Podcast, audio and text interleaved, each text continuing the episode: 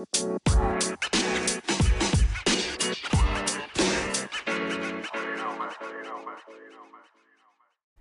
harte welkom bij weer een nieuwe aflevering van de Herstellen van Burnout podcast. Deze keer heb ik een hele speciale aflevering voor je. Ik ga namelijk wat meer vertellen aan jouw familieleden, jouw vrienden, collega's. Ik kreeg namelijk een uh, verzoekje van een luisteraar. En ze zei van, ja, goh, weet je, ik ben eigenlijk op zoek naar iets wat ik aan mijn uh, familielid of aan mijn collega kan laten zien. Of kan laten horen zonder dat ze twintig afleveringen van jouw podcast hoeven uh, door te akkeren. Ehm, dus ik dacht, nou weet je, ik neem gewoon een podcastaflevering op waarin ik uitleg wat burn-out is. Um, op welke gebieden de klachten ontstaan. Hè? Dus wat kan iemand aan jou zien of misschien ook niet aan jou zien.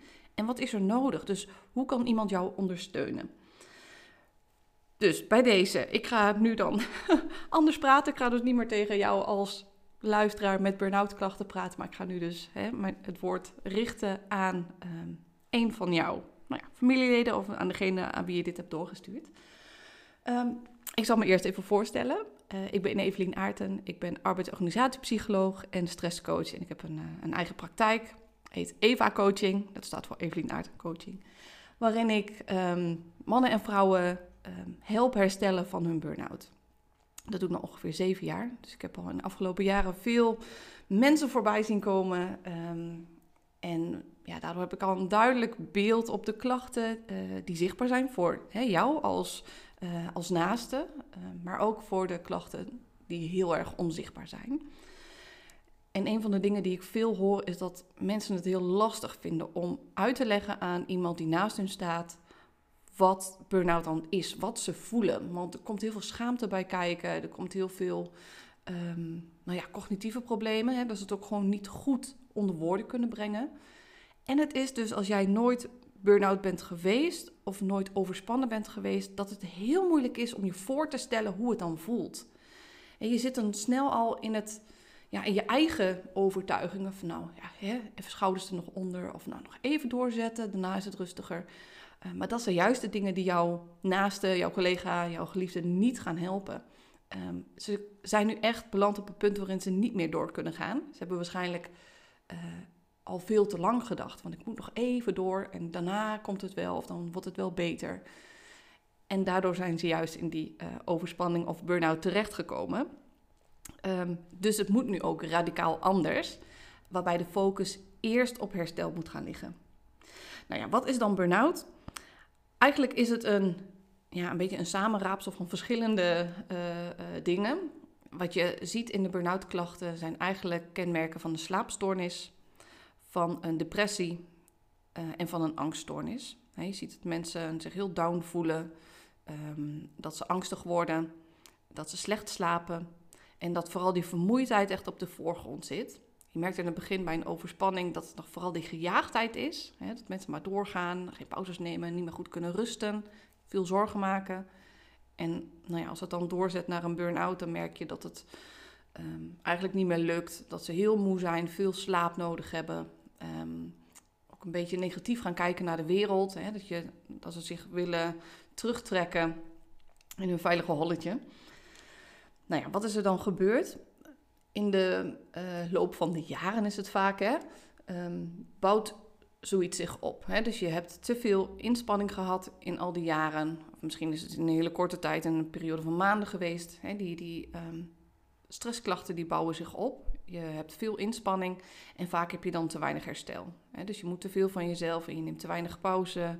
Um, je neemt te weinig rust, je slaapt misschien minder, je gaat later naar bed. Uh, en zelfs wanneer je dan in bed ligt, ben je nog aan het piekeren. Dus het hersteltekort is het probleem bij, uh, bij de aanloop naar burn-out. Je ziet dat het lichaam daarop reageert. Hè? Ons lichaam wil zo efficiënt mogelijk werken. Dus in het begin, als je, druk, als je druk hebt, dan gaat het immuunsysteem beter werken. En je merkt dat je um, uh, goede focus hebt en dat je echt even door kan. Dus die stresshormonen die worden aangescherpt. En als het heel erg lang duurt, dan wil je lichaam zich efficiënter gaan instellen.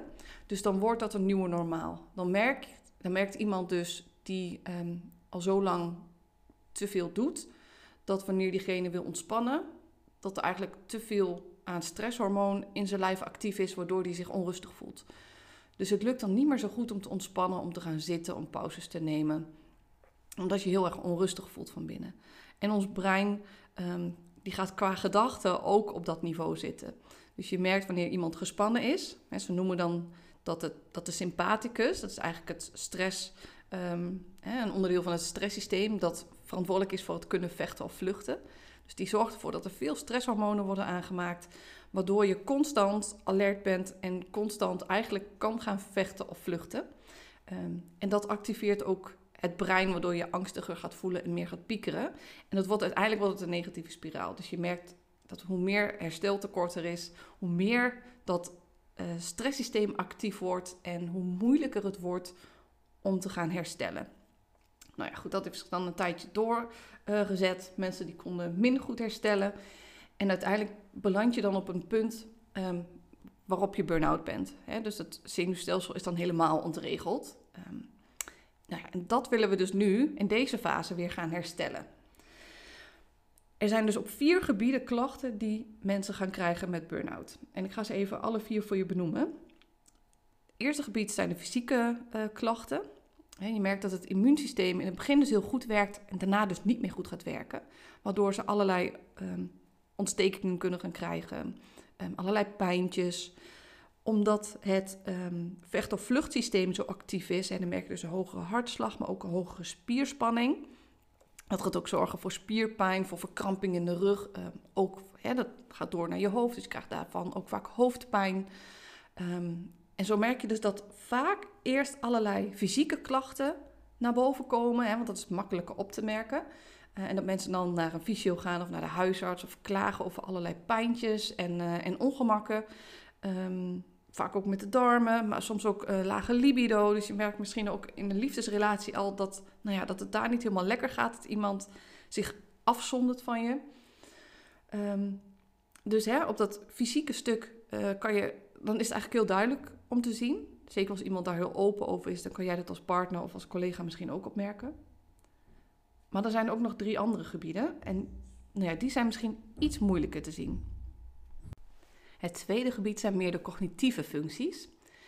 Wanneer um, je in een soort van overlevingsstand staat, merk je dat uh, de neocortex, dus het buitenste gedeelte van het brein, het is eigenlijk het menselijke brein, wat meer gedempt wordt. En dus ook aan, wat wij nodig hebben voor, om ons werk goed te kunnen doen, is eigenlijk de functie van de prefrontale cortex. Dus dat zit echt achter je voorhoofd. En dat gedeelte van het brein wordt gedempt. Als jouw lichaam denkt van hé, hey, we moeten overleven, dan wordt eigenlijk het binnenste gedeelte van het brein meer geactiveerd. Dat is hè, dat reptielbrein en het emotionele brein meer. Dus mensen krijgen moeite met het uitvoeren van de dagelijkse taken. Ze krijgen moeite met hun werk, met overzicht, met plannen, organiseren. Uh, nou ja, ze gaan meer fouten maken. En dat is iets wat mensen vaak ja, niet gelijk doorhebben van zichzelf. En wat heel geleidelijk ook gaat, maar wat ze ook gaan verbloemen. vaak functioneren mensen al een half jaar niet. En dat willen ze ook niet laten zien. De werkgever of collega heeft het misschien wel door dat het steeds moeilijker gaat, maar ze gaan dus steeds harder werken om het niet te laten merken. En dat is iets wat uiteindelijk, als je echt die burn-out hebt, dan nou ja, ontkom je er ook bijna niet meer aan. En dan merk je dus ook dat mensen niet meer kunnen lezen, uh, recepten niet meer kunnen volgen, dat de makkelijkste dingen cognitief gezien eigenlijk niet meer lukken. Maar ook dat gedeelte van het brein zorgt voor een rem op je emoties. Normaal gesproken kan je makkelijk je emoties reguleren. dus je kan ervoor zorgen dat als je heel emotioneel voelt, heel boos voelt, dat je denkt, nou, ik ga niet heel boos reageren. er is een soort van rem. Die is er bij burn-out niet meer. Je voelt je veel emotioneler. Um, dus die gevoelens die er zijn, die komen er ook nog veel heftiger uit. Het lukt dus qua emoties niet meer goed om daar ja, wat kalmer in te zijn, wat, wat milder in, in te reageren. En dat kan je als partner of als collega wel merken. Dan ga je natuurlijk wel zien van hey, iemand die is snel boos, gefrustreerd huilt snel. Daar kan iemand niks aan doen. Dat overkomt hem gewoon. Het brein functioneert gewoon anders. En dan merk je dus ook in de dagelijkse taken, hè, de, de, de cognitieve taken waarbij je het brein nodig hebt. Zeker als je slecht slaapt, dan is het gewoon moeilijk om fatsoenlijk te kunnen nadenken. En wat je daarin ook gaat zien, is dat het angstbrein dus ehm, actiever wordt. Mensen gaan meer piekeren. En omdat je niet meer goed kan bedenken of iets echt of nep is, of hè, hoe, hoe, erg iets is. Je kan het niet meer zo goed inschatten, omdat het brein dus niet meer zo goed functioneert. Daardoor lijken al die gedachten heel realistisch. Dus de angstige gedachten die mensen hebben over hun werk, of over de leidinggevende, of nou ja, in het algemeen over de buren. Hè. Sommige uh, mensen vinden het spannend om naar buiten te gaan, om een praatje te moeten maken met buren. Die angsten die ze hebben, die lijken heel erg waar. Het lukt ze dus niet goed om dat te relativeren, dat soort gedachten. Nou, en dat zie je dan allemaal terug in het gedrag. Hè? Mensen die willen liever niet naar buiten, uh, blijven graag uh, thuis, gaan sociale dingen vermijden. Want hè, het brein, die filter, werkt ook niet meer zo goed. Dus er komen heel veel prikkels binnen, geluid is heftig. überhaupt energieën van andere mensen kunnen heftig zijn. Nou ja, met die angstige gedachten kan je voorstellen dat mensen zich gaan terugtrekken. Maar ook dat ze um, een beetje gaan vermijden qua um, uh, omgevingsprikkels. Hè? Dus sommige mensen die kunnen helemaal geen telefoon en helemaal geen geluiden verdragen, dus die willen ook liever alleen zijn.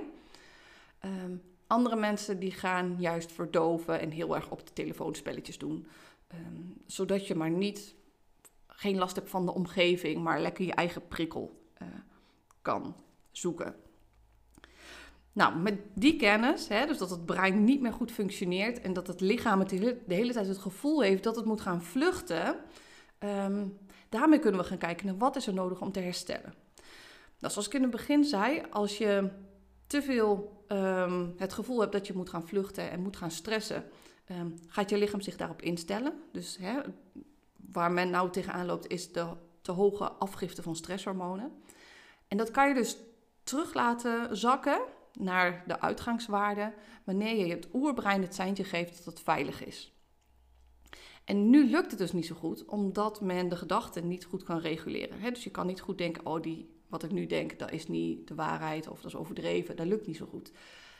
Daardoor blijft iemand steeds het seintje geven dat, het niet, dat diegene niet veilig is. Ook door slecht slapen of ziek worden daardoor. Um, de hoge hartslag, de hoge spierspanning die er constant is, geeft elke keer hun oerbrein het seintje, je bent niet veilig. Dus het is een beetje een loop waar iemand in terecht is gekomen. Nou, en wat ik met coaching doe en wat jij dus als naaste ook kan gaan doen, is constant iemand aanleren of ondersteunen, helpen dat diegene wel veilig is. Dat oerbrein moet verleid worden om te zien dat de omgeving veilig is. Nou, dat kunnen mensen zelf van binnenuit doen door uh, te letten op een rustige ademhaling, of uh, rustiger bewegen. Dus gewoon echt in de eerste versnelling bewegen. Um, daarmee geef je dus van binnenuit in je lijf het seintje van oké, ik ben niet aan het vluchten, ik ben niet aan het rennen, ik ben veilig. Um, cognitief gezien, hè, dus als je kijkt naar de gedachten, ga ik met ze aan de slag um, om te leren dat je op een afstandje je gedachten kan zien en dat je die niet hoeft te geloven. En we gaan ook nog aan de slag met overtuigingen. Um, maar thuis en zeker in het begin is het eigenlijk gewoon heel belangrijk dat je kan rusten. Dat je niet meer zoveel moet. Er moet vaak echt slaap bijgeslapen worden, uitslapen. Um, nou ja, echt fysiek tot rust komen. Zodat die spieren wat meer kunnen gaan ontspannen. Zodat die ademhaling wat rustiger wordt. Zodat ja, je echt letterlijk dus het zijn geeft. Ik ben niet op de vlucht. Ik ben veilig. En de klachten die ze hebben, die zorgen er dus voor dat zij dat zelf niet gaan doen. En daarin kan je dus in, als, nou ja, als naaste, als collega, familielid of uh, geliefde, daarin kan je heel veel doen. Nou, waar kan je dan mee helpen? Je kan ervoor zorgen dat iemand meer rust kan nemen, hè? dus op tijd naar bed. Um, misschien s'nachts er niet uit moeten voor de kinderen. Of s ochtends de kans geven om iemand te laten uitslapen. Dat ze uh, niet de kinderen vroeg naar school moeten brengen. Het kan helpen om ervoor te zorgen dat iemand tijdelijk minder taken in huis hoeft te doen. Dus het huishouden even uh, ontlasten. Um, dat zal betekenen dat jij dus meer moet gaan doen. En daarin wil ik dus wel benoemen, het is tijdelijk. Dus weet ook dat het tijdelijk is. Dat iemand zich nukkig voelt, dat iemand heel erg moe is en dat iemand emotioneel is. Wanneer iemand gaat ontspannen en wanneer het herstel doorzet, zal je merken dat dat echt gaat afnemen. Dus voor jou is het tijdelijk dat je wat meer gaat doen. Maar let wel goed op jezelf. Het moet niet zo zijn dat wanneer jij alles gaat overnemen, dat jij dus ook die klachten gaat krijgen. Um, Dus kijk of daarin misschien ook wat tijdelijk uitbesteed kan worden. Dat iemand anders in de familie kan helpen met, uh, met de was of met andere nuttige taken. Let erop dat de prikkels in huis wat verminderd worden. Ehm, TV niet hard of de radio niet aan. Of ehm, de gesprekken, hè? dus niet allemaal bezoekjes, niet overal naartoe moeten. Ehm, minder uitjes. Zorg er echt voor dat er minder prikkels in het brein komen, minder prikkels in het lijf. Want die filter werkt niet goed. Dus ja, het is echt rust, reinheid en regelmaat. Maar je kan ook op een andere manier, dat, ja, dan noemen ze de parasympathicus. Hè, dat, je hebt de sympathicus die zorgt voor ehm, het uh, vechten of vluchten. En je hebt de parasympathicus die zorgt voor het herstel. En die willen we gaan verleiden. En die kan je dus ook verleiden door ehm, het signaal te geven dat iemand in verbinding staat. Um, je bent veilig in een groep. Ook dat is iets wat ons oerbrein weet. Hè. Wij mensen zijn veiliger in een groep, want dan is er eten en dan hè, ben je fysiek. Vroeger was je dan natuurlijk ook veiliger. Dat denkt ons oerbrein nog steeds. Dus gewoon de nabijheid uh, er gewoon zijn. Op die manier zorg je er al voor dat iemand um, nou, zich veilig voelt en kan gaan herstellen. Maar jij kan er ook voor zorgen dat iemand um, toch een bepaalde mate van zingeving voelt of fijne ontspannen activiteiten doet. In het begin zie je namelijk dat iemand vooral nuttig wil zijn en nog dingen wil doen. En als je dat kan afremmen bij diegene en als je dan kan zeggen, joh, maar ga eens even iets rustigs doen of iets wat jij leuk vindt, ga tekenen of hè, iets wat diegene dan leuk vindt om te doen. Jij weet dat misschien nog wel. Uh, help diegene om weer op die ideeën te komen. En help diegene ook met al die angstige gedachten en angstige scenario's die omhoog komen. Help dat om, om, ze, te, um, om ze te doen inzien dat dat niet waar is. Hè? Om dat relativeren een beetje te helpen. Um, dus laat iemand even spuien en zeg dat, nou, ik uh, begrijp dat je dit en dit zegt en dat je dit en dit voelt en denkt, maar hè, het blijkt dat, of nou ja, kalmeer diegene en help even die gedachten weer een beetje tot rust te komen. Samen de natuur in gaan werkt ook hartstikke goed. Um, soms is het spannend om even op pad te gaan, um, maar nou ja, daarin kan je als naaste natuurlijk ook goed helpen. Al met al zijn er dus veel dingen die jij kan doen als naaste. Um, om in het begin die rust te kunnen bieden en uh, te kunnen helpen om de focus goed te houden op herstel. Tijdens um, coachingstrajecten is dat ook iets waarin ik iemand ondersteun. Hè? Dus we gaan samen aan de slag met het maken van een dagplanning. Um, ik leg ze uit hoe werkt het stresssysteem. Um, hoe kan je dat seintje, hè, dat signaaltje geven dat je veilig bent aan je brein. En hoe ga je gesprekken aan met iemand in de omgeving. want mensen die durven vaak niet zoveel te zeggen. Dus daarin ondersteun ik ze ook met de gesprekken met werkgever, bedrijfsarts, dat soort dingen.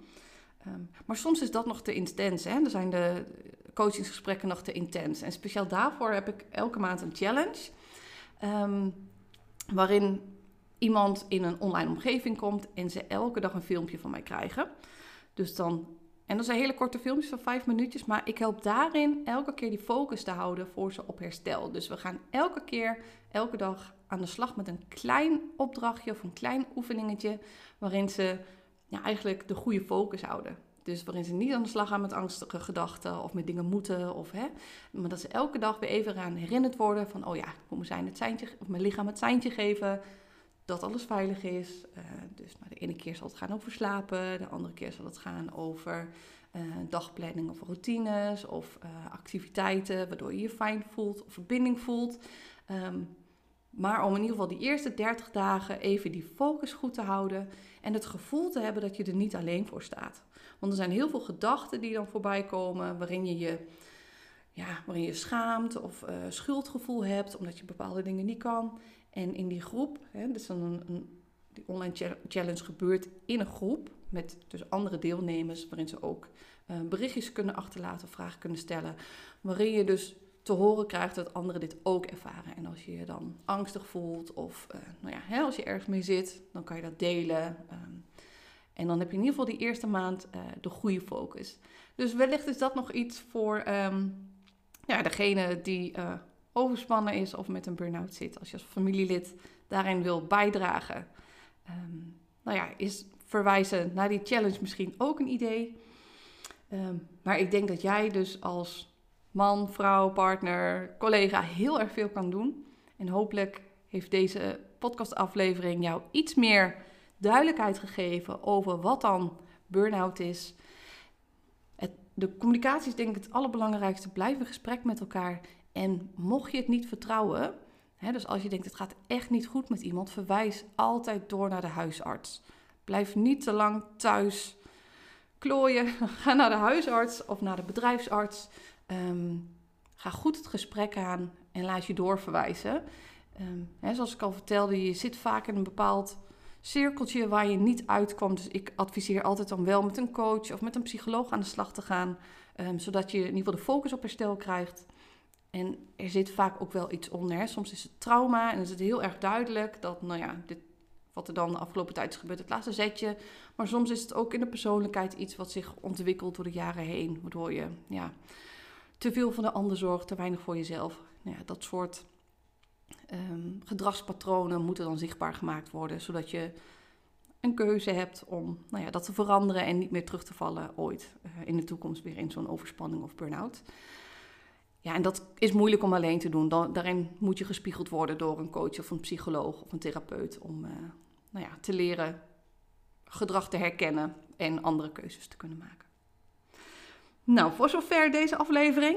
Ik hoop dat je geïnspireerd bent en op deze manier uh, ja, het gevoel hebt dat je toch nog iets meer misschien voor je naaste kan betekenen. Want ik kan me ook voorstellen als je iemand in huis hebt die zich heel down voelt en heel mooi is, dat je zelf echt denkt, ja, ik weet ook niet wat ik met jou aan moet.